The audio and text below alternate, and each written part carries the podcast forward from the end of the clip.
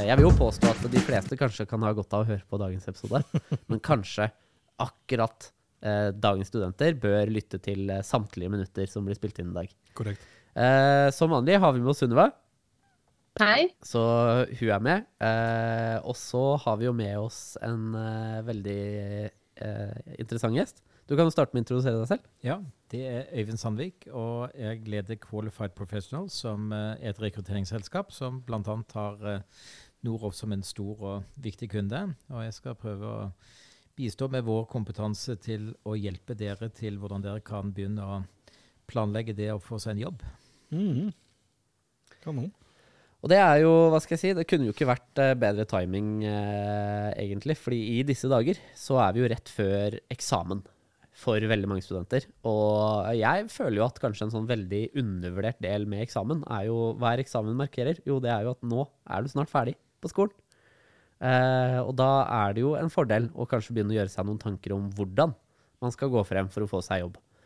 Eh, men før vi dypdykker inn i hvordan man skal oppføre seg på intervju og tips og triks og sånn, eh, kan vi ikke kanskje Åssen opplever du at eh, nyutdanna folk er, kontra kanskje de som har litt, eh, noen år på baken?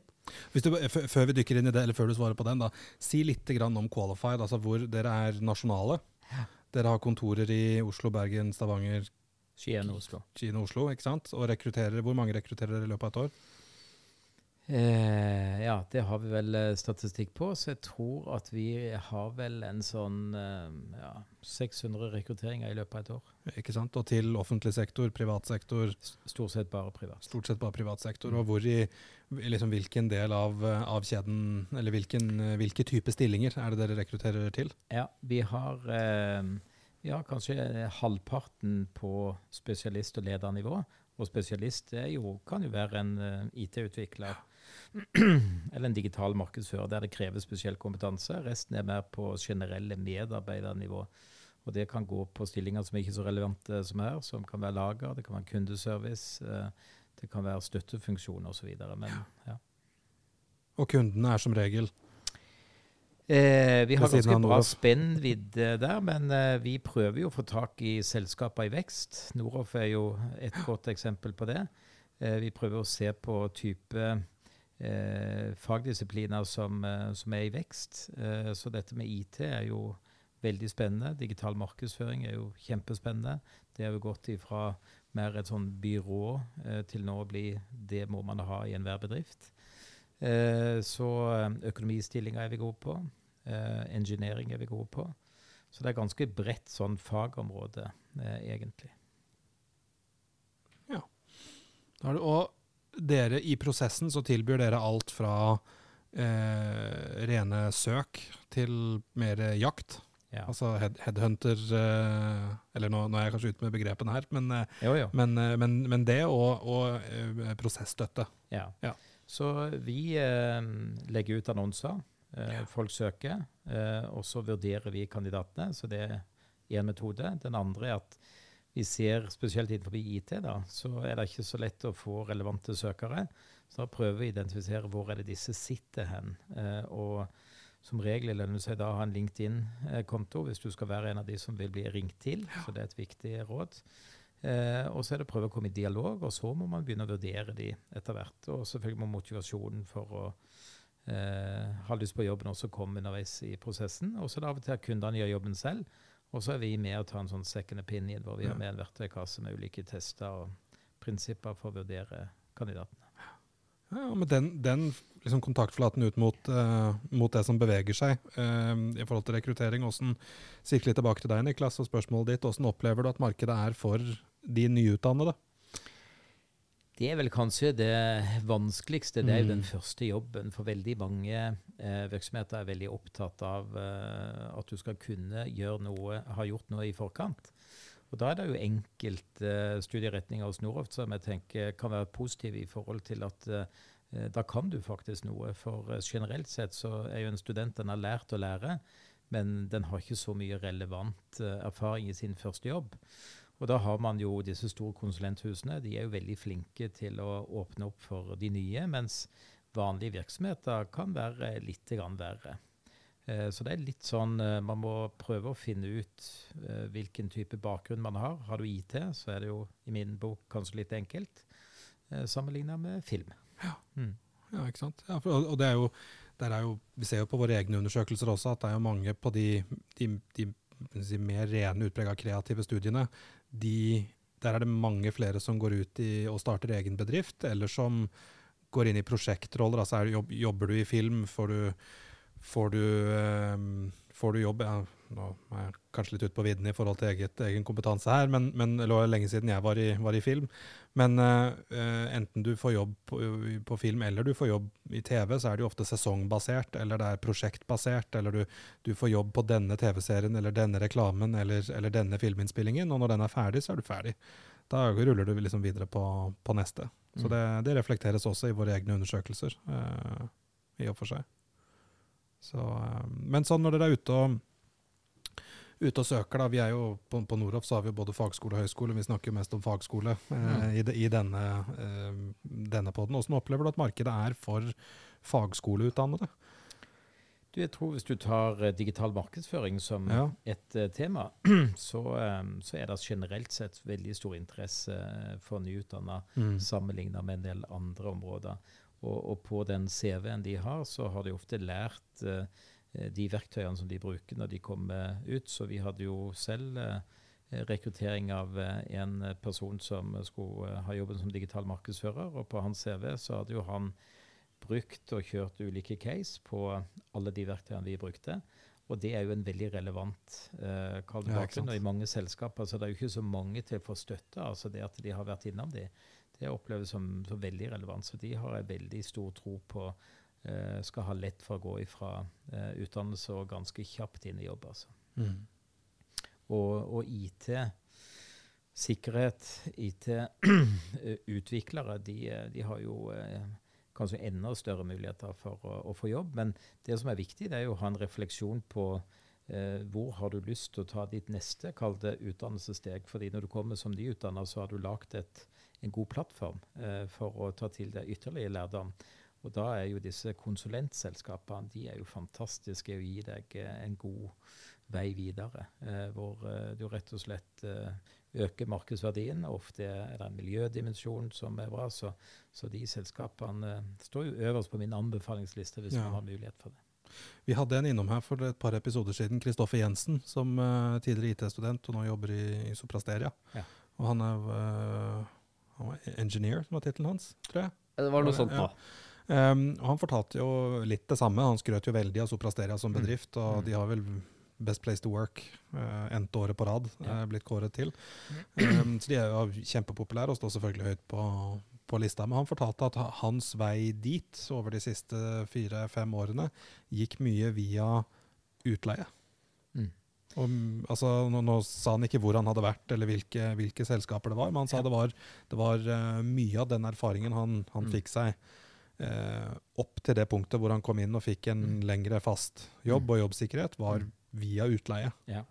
Frem til det kom til en lovendring som gjelder fra 1.4, men før mm. den så er det helt riktig. Da var det en veldig fin og enkel måte for nyutdannede, for det bedriftene faktisk ønsker, det er jo å se hvordan du fungerer da ute i jobblivet, både som person og som fagperson. Ja. Eh, og når du har vært der, så får du ofte tilbud om eh, fast jobb. Så nesten over 60% av de vi leier ut, og det er mellom 300 og 400 avhengig av når på året det mm. eh, de går over i fast stilling. Så det er en eh, veldig sånn kjent måte for både arbeidsgiver og arbeidstaker å få seg litt praksis, bli testa ut. Nå blir det litt verre fremover pga. den nye lovreguleringen, men fremdeles i de store selskapene så vil det være anledning til det. Og når du sier den lovreguleringen, uh, det er en del av, eller en del av de som lytter på, har ikke nødvendigvis fulgt, uh, fulgt med på den siden. Hva, hva, hva går lovendringen på? Eh, før den nye loven kom, så kunne disse vikarbyråene og konsulentselskapene veldig lett leie ut en ressurs. Og de fikk kanskje spørsmål fra Sofia eh, Steria kan du skaffe meg eh, fire digitale markedsførere eller utviklere. Eh, og da kunne det være åtte eh, nyutdanna som eh, hadde relevant praksis, virka ut å være flotte personer for den type rolle, som kan få muligheten til å leie, leies inn i en kortere periode. Og sannsynligvis så vil flere av de få tilbud om fast jobb. Og hvis Sofia Steria har tariffavtale, så kan man fortsette med det med den nye loven. Men hvis de ikke har, så må de bli midlertidig ansatt hos eh, selskapet. Og da må det være et midlertidig behov, så det vil nok bli litt verre akkurat der eh, på å komme inn på den ordningen, som har vært en veldig fin måte å komme inn i arbeidslivet på tidligere. Ja, nei, jeg tenker, ja, det er jo en sånn kjedelig, kjedelig å ta ned mobiliteten i arbeidslivet når man står i den samfunnssituasjonen man står nå, men det er kanskje en annen, eh, Den, en annen eh, diskusjon for en annen tid. For å si det sånn, Vår bransje de gleder seg til Erna Solberg er tilbake, for hun skal reversere dette. her. Men, men før var det en, helt riktig en veldig fin måte å komme inn i arbeidslivet på. Og den Ja. fungerer fremdeles, men litt mindre enn det den gjorde før. Eh, Den uken eh, du er på besøk her, så skal vi ha eh, bransjedagene på Noraf. Eh, Og på, eh, på noen av campusene våre så har vi bl.a. dere inne Mm. eh, for å være med og snakke med studentene våre. Og så har vi en del andre bedrifter som er inne for å gi en presentasjon av seg selv. Ja. Og, um, og det er klart, på huset så har vi en 4000 teknologistudenter og uteksaminerer uh, 2000-3000 hvert eneste år. Mm. Um, så det er jo en, det er jo en viktig, viktig kontaktflate. Ja. Um, vi, vi startet litt strukturert med det i fjor, og i år er det liksom virkelig blitt, eh, blitt stort og involvert en hel haug av nettstudentene våre også, eh, som ikke, ikke var eksponert mot dette i, i fjor. Mm.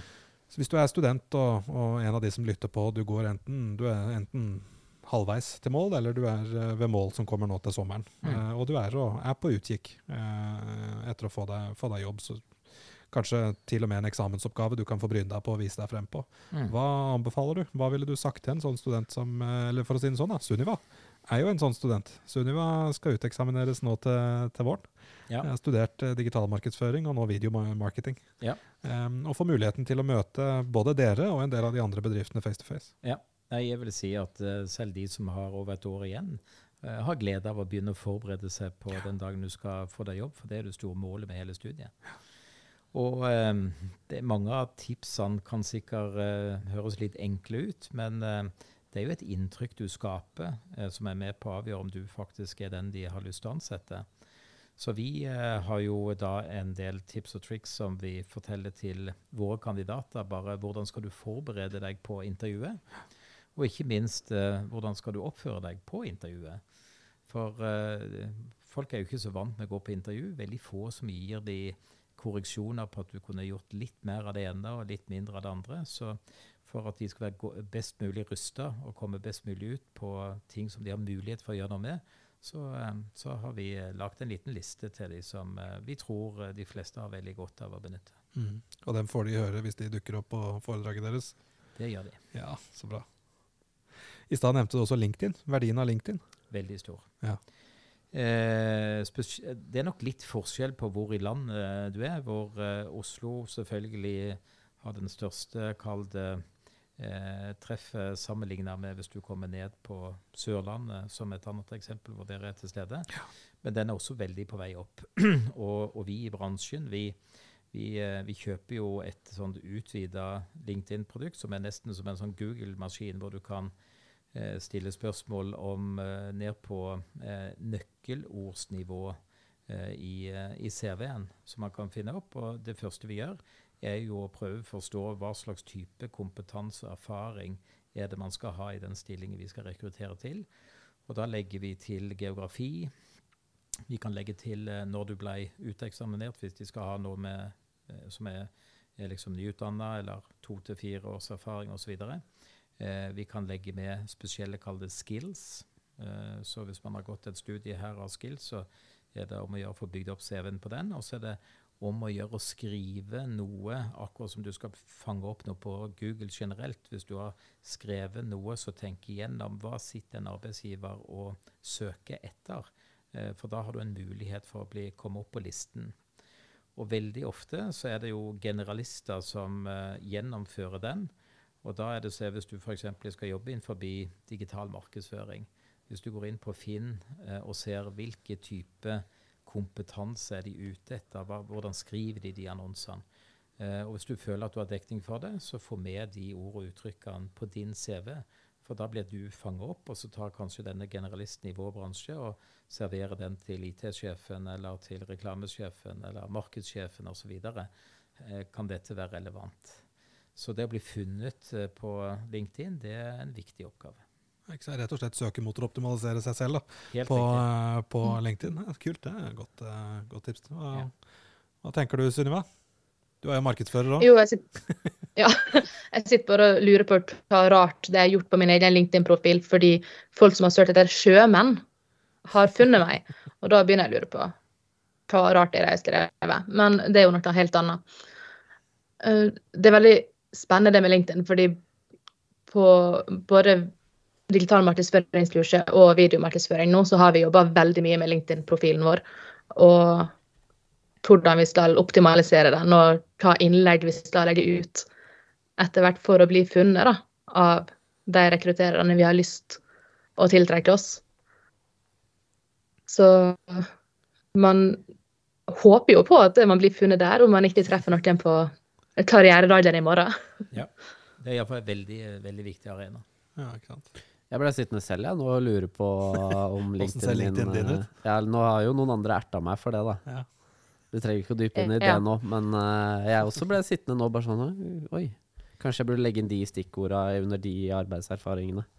Også- Endre litt strukturen på hvordan man på en måte har presentert det. Ja, veldig, veldig lurt å, å, å gjøre det. Og så er det uh, ikke det at man skal gå gjennom alle tipsene på LinkedIn, men man har eh, et valg der eh, hvor kun vår bransje har tilgang. Og det er en knapp hvor du kan si at du er åpen for en jobbmulighet.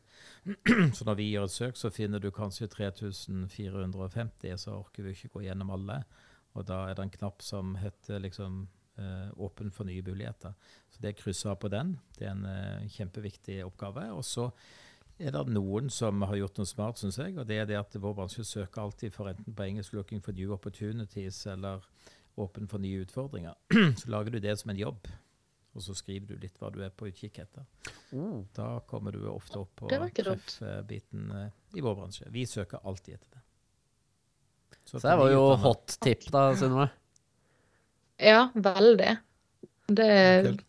inn og endre. Men hva, ok, så med, Og så gjør dere et uh, søk. Mm. Så dere skal, dere skal ha tak i en markedsfører. Så gjør dere, dere Dere går ut med litt sånn spray and pray, ut med kommunikasjon og ser hvor mye er det som kommer inn. Og så gjør dere et søk. eh, hvor dere, Da tar dere rett og slett kontakt og sier hei, dette, vi tror dette kan være interessant for deg. Ja. Har du lyst til å ha en samtale med oss? Mm. Ja. Og det gjør vi på forskjellige måter. Hvis vi eh, går mot IT, da, eh, hvor det er vanskelig å eh, finne kandidater, og de får ganske mye trykk fra vår bransje, så velger vi en annen eh, tilnærming enn om vi hadde valgt eh, f.eks. i digital markedsføring, som er etterspurt, men ikke så etterspurt som IT. Eh, og på eh, IT så ville vi jo da eh, Vi har noe som kalles en in-mail, hvor du da kan si du har funnet 100 stykker, så kan du sende en melding og fortelle at du har en veldig spennende mulighet. Og der må vi fortelle kanskje om at det er i Sofria Steria, og det gjelder den og den type stilling, så de får, kan finne ut har de lyst til å jobbe eller høre om det selskapet og den stillingen. og så spør vi om det er en mulighet for å, å få en uforpliktende samtale. Hadde det vært på digital eh, markedsføring, så, så ville vi Eh, kanskje eh, gått litt mer sånn eh, hardere til verks og sendt med søknadslinken at du kan søke på den hvis du er interessert osv. Eh, og kommer det ikke noen respons, så må vi ringe de. Og det er jo den manuelle, arbeidskrevende metoden. Og da har man jo som regel litt informasjon om selskapet, om stillingen som de kan få på forhånd. Så LinkedIn er et veldig viktig verktøy for eh, hele jobbprosessen, egentlig. Ja, ikke sant? Og når du har Er det noe som man kan gjøre på LinkedIn som gjør at man ser litt mer interessant ut enn andre? Fordi altså digital markedsføring, at du er digital markedsfører, det er jo eh, Det er en stor tittel, og det er en del som har den. Hvordan kan man klare å skille seg ut? Jeg tenker at eh, Det viktige er jo at man skal ikke skrive noe man ikke kan stå for. Det er kjempeviktig. Men du har noe som heter skills. Det betyr at uh, det er ingen som Du skal ikke avgjøre der om du har en skala til 1 til, til 10, så skal du ikke skrive 7 eller 2. Så hvis du har teoretisk kunnskap om uh, noen type skills, så tenker jeg at det er fornuftig å, uh, å markere at du har skills på de ulike tingene, for det er det man søker etter. Hvis du har gjennomført noen prosjekter som du syns er interessante, for CV-en blir jo ofte litt liten på en nyutdanna.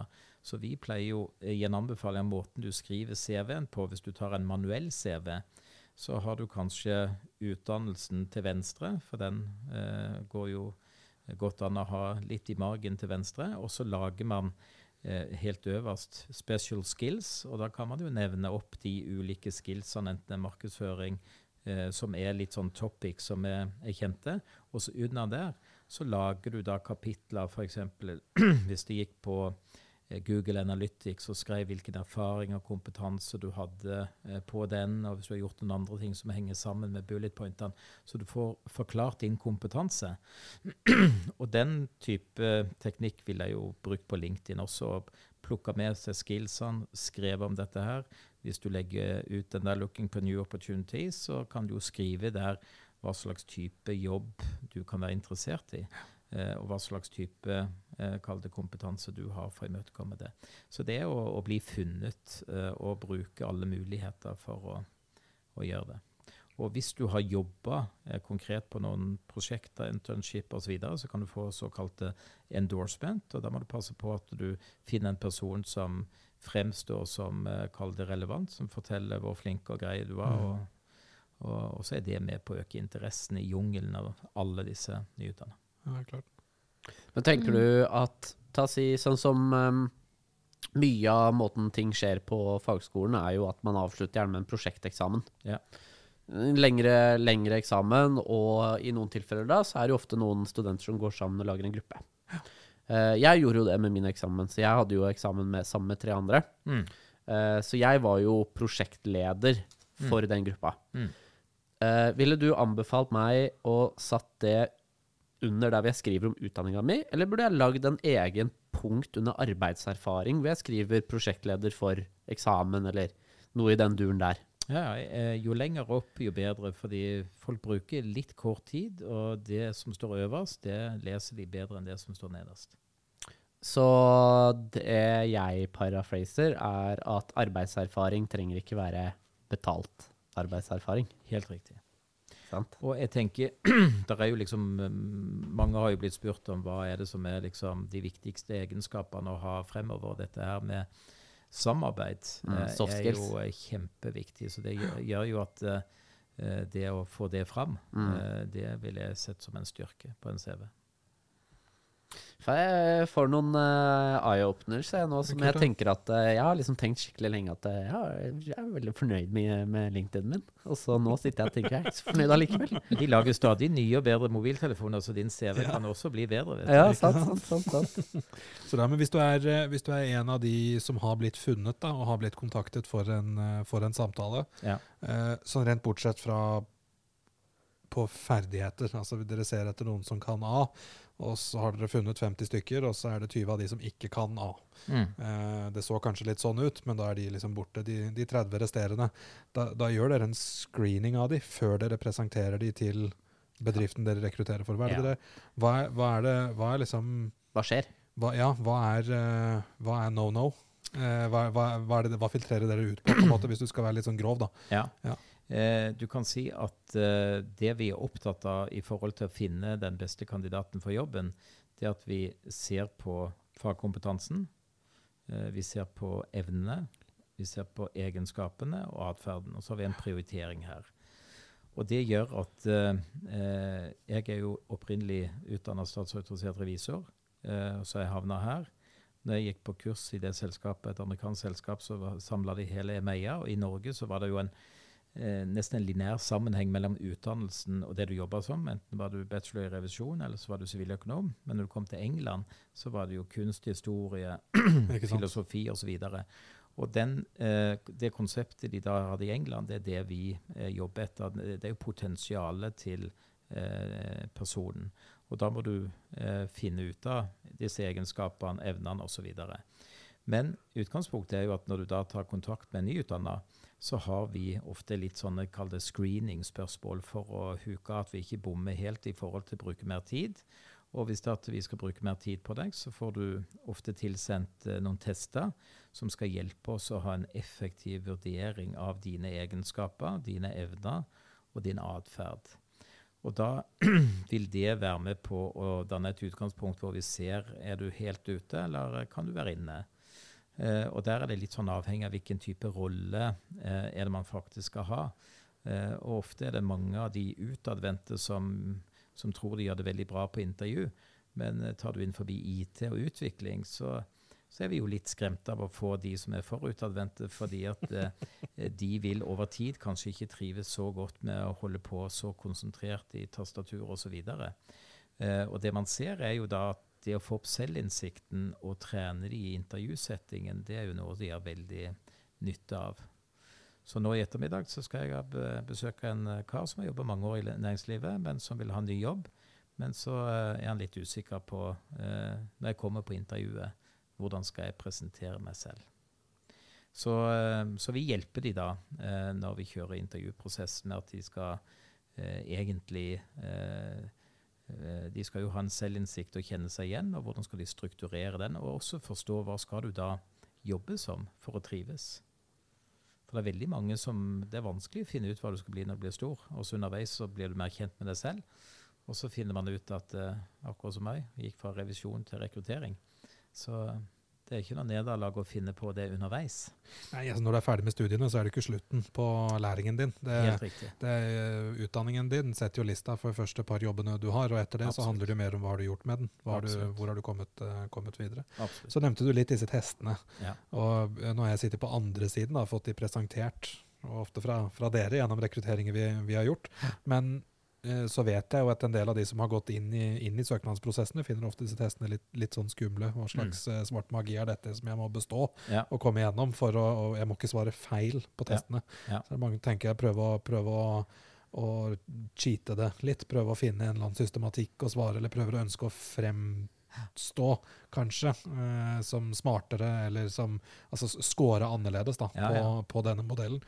Men det er jo sånn en av de første rekrutteringene vi gjorde gjennom dere, var eh, en av dine kolleger i Kristiansand som sa mer at er, eh, resultatene på disse er kanskje mer, mer, eh, grunnlag for en samtale, mer enn liksom den sa du var sånn, derfor så er du, er du sånn. Mm. Ja, du nevnte jo et viktig poeng, og det er jo den hvordan skal du forholde deg til testen? Skal ja. du prøve å gi inntrykk av at du er den vi er på utkikk etter, eller skal du prøve å gi uttrykk for hvem du faktisk er? Ja. Eh, og det er det jo en del som selvfølgelig ja. Eh, lurer på, og som spekulerer etter i.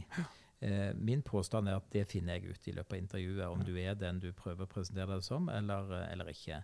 Og så er det, det er like viktig for arbeidsgiver som det er for arbeidstaker å finne den riktige. Så hvis du går inn i en jobb bare for å få en jobb, men, men så er du kanskje feil type, så er det kanskje like viktig for deg å ikke ta den jobben som for arbeidsgiver i avslag.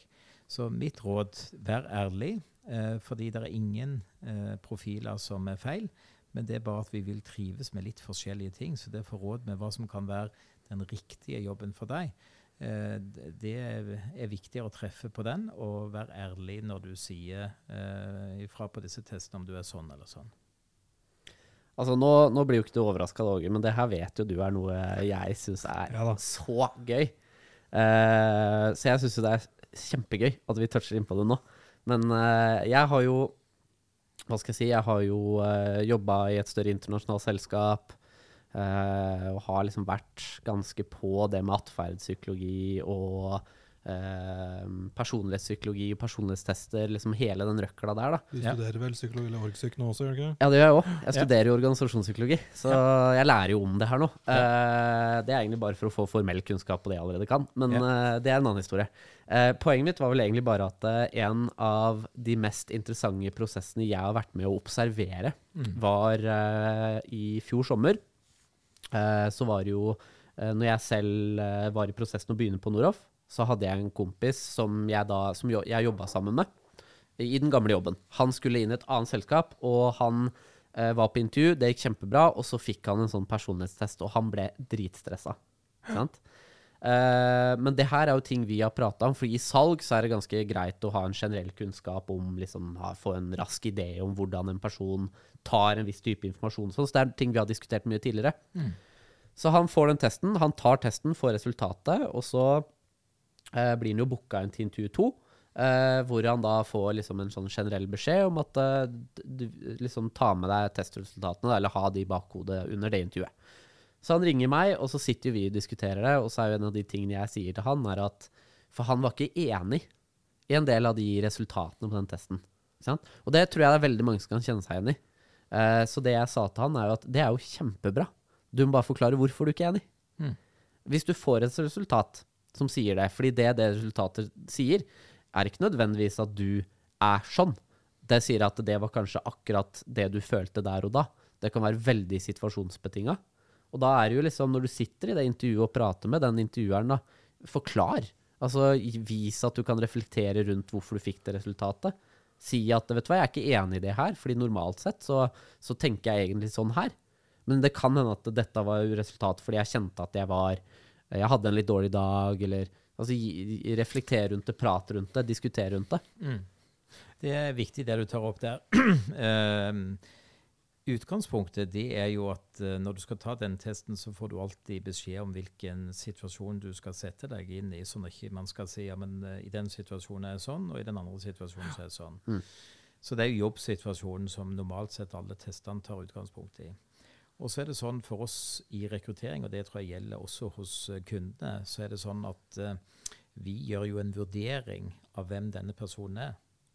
Eh, og hvis det at testene eh, også viser det, men kandidaten er veldig uenig, og det er hele veien forklaring at jeg skulle hatt høyere score på det meste, så begynner vi kanskje å miste litt tilliten til personen. Og hvis, hvis du eh, mister tilliten, så kan jeg si da får du iallfall ikke eh, jobben. Mm. Um, så det er viktig at man ikke skal unnskylde seg hele tiden.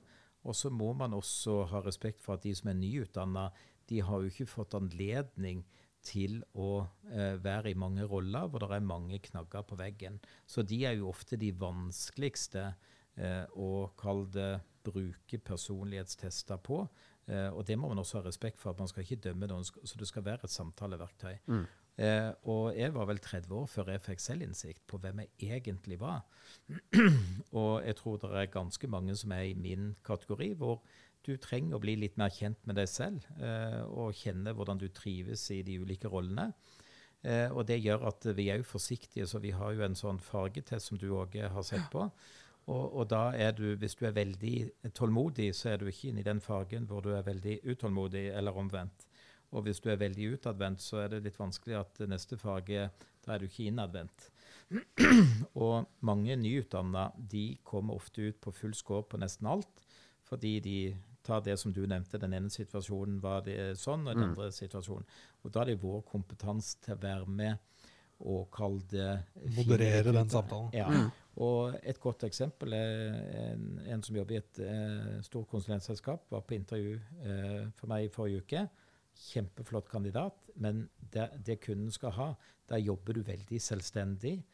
Et lite firma. Hun kommer fra et kjempestort selskap, er super utadvendt. Får mye av sin energi til å være sammen med andre mennesker.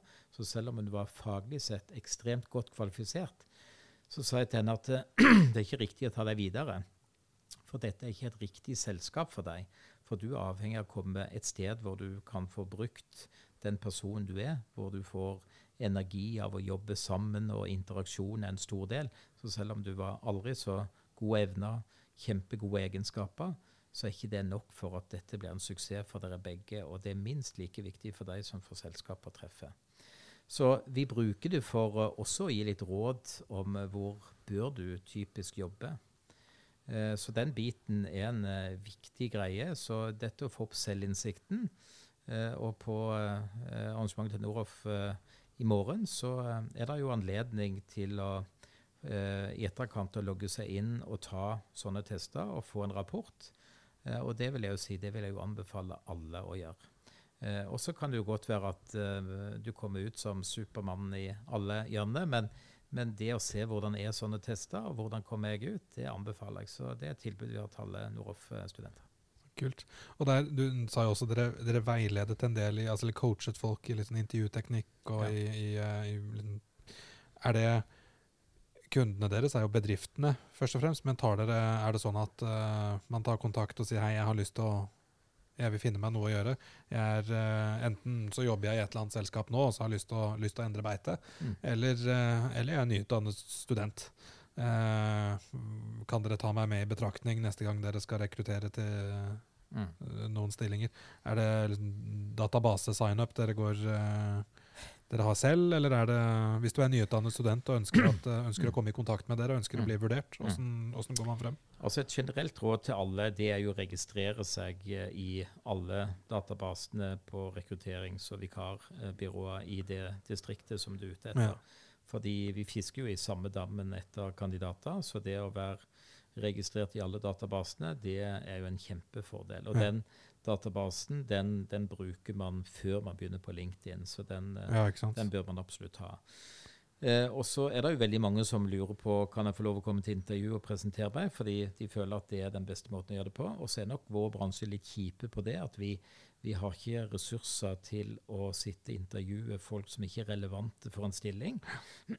Men det vi har gjort, vi har lagd noen podkaster akkurat som dere gjør, eh, som gir de tipsene til hvordan skal du forberede deg på et intervju.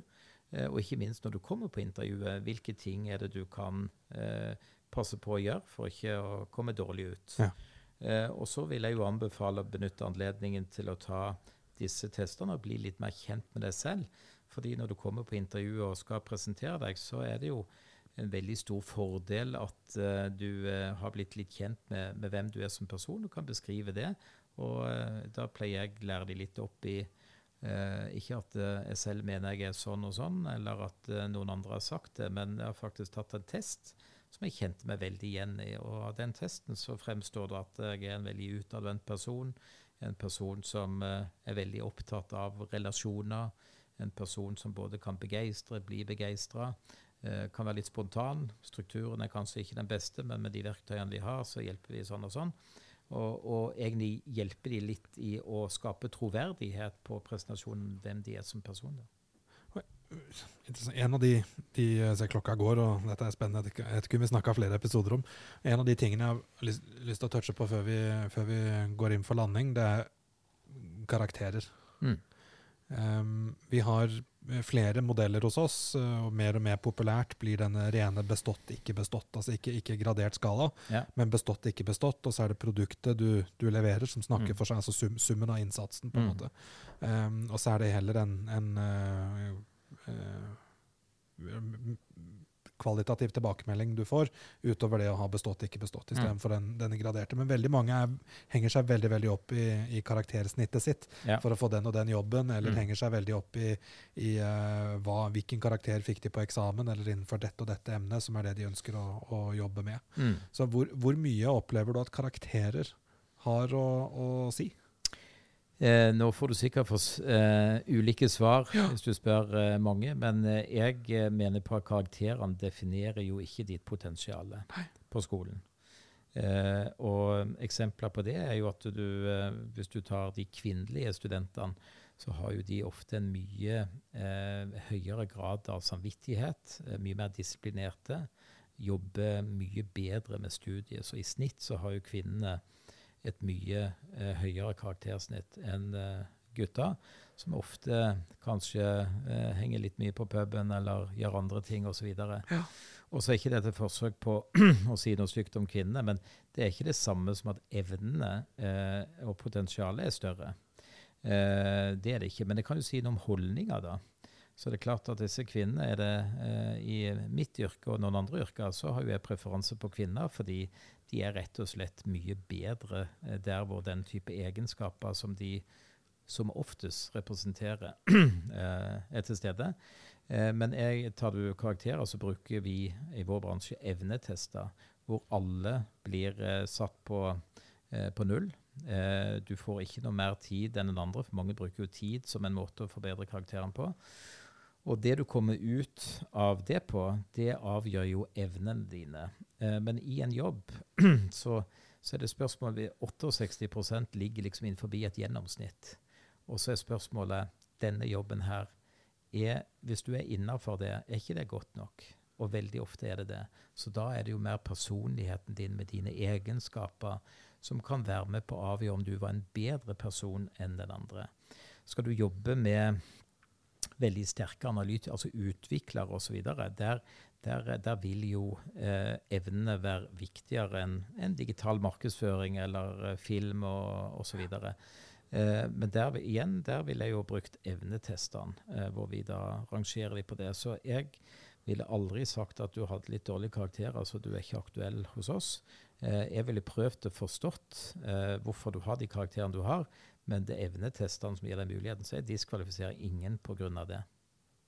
Det gjør jeg ikke. Så nå kan eh, samtlige studenter som hører på, puste letta ut.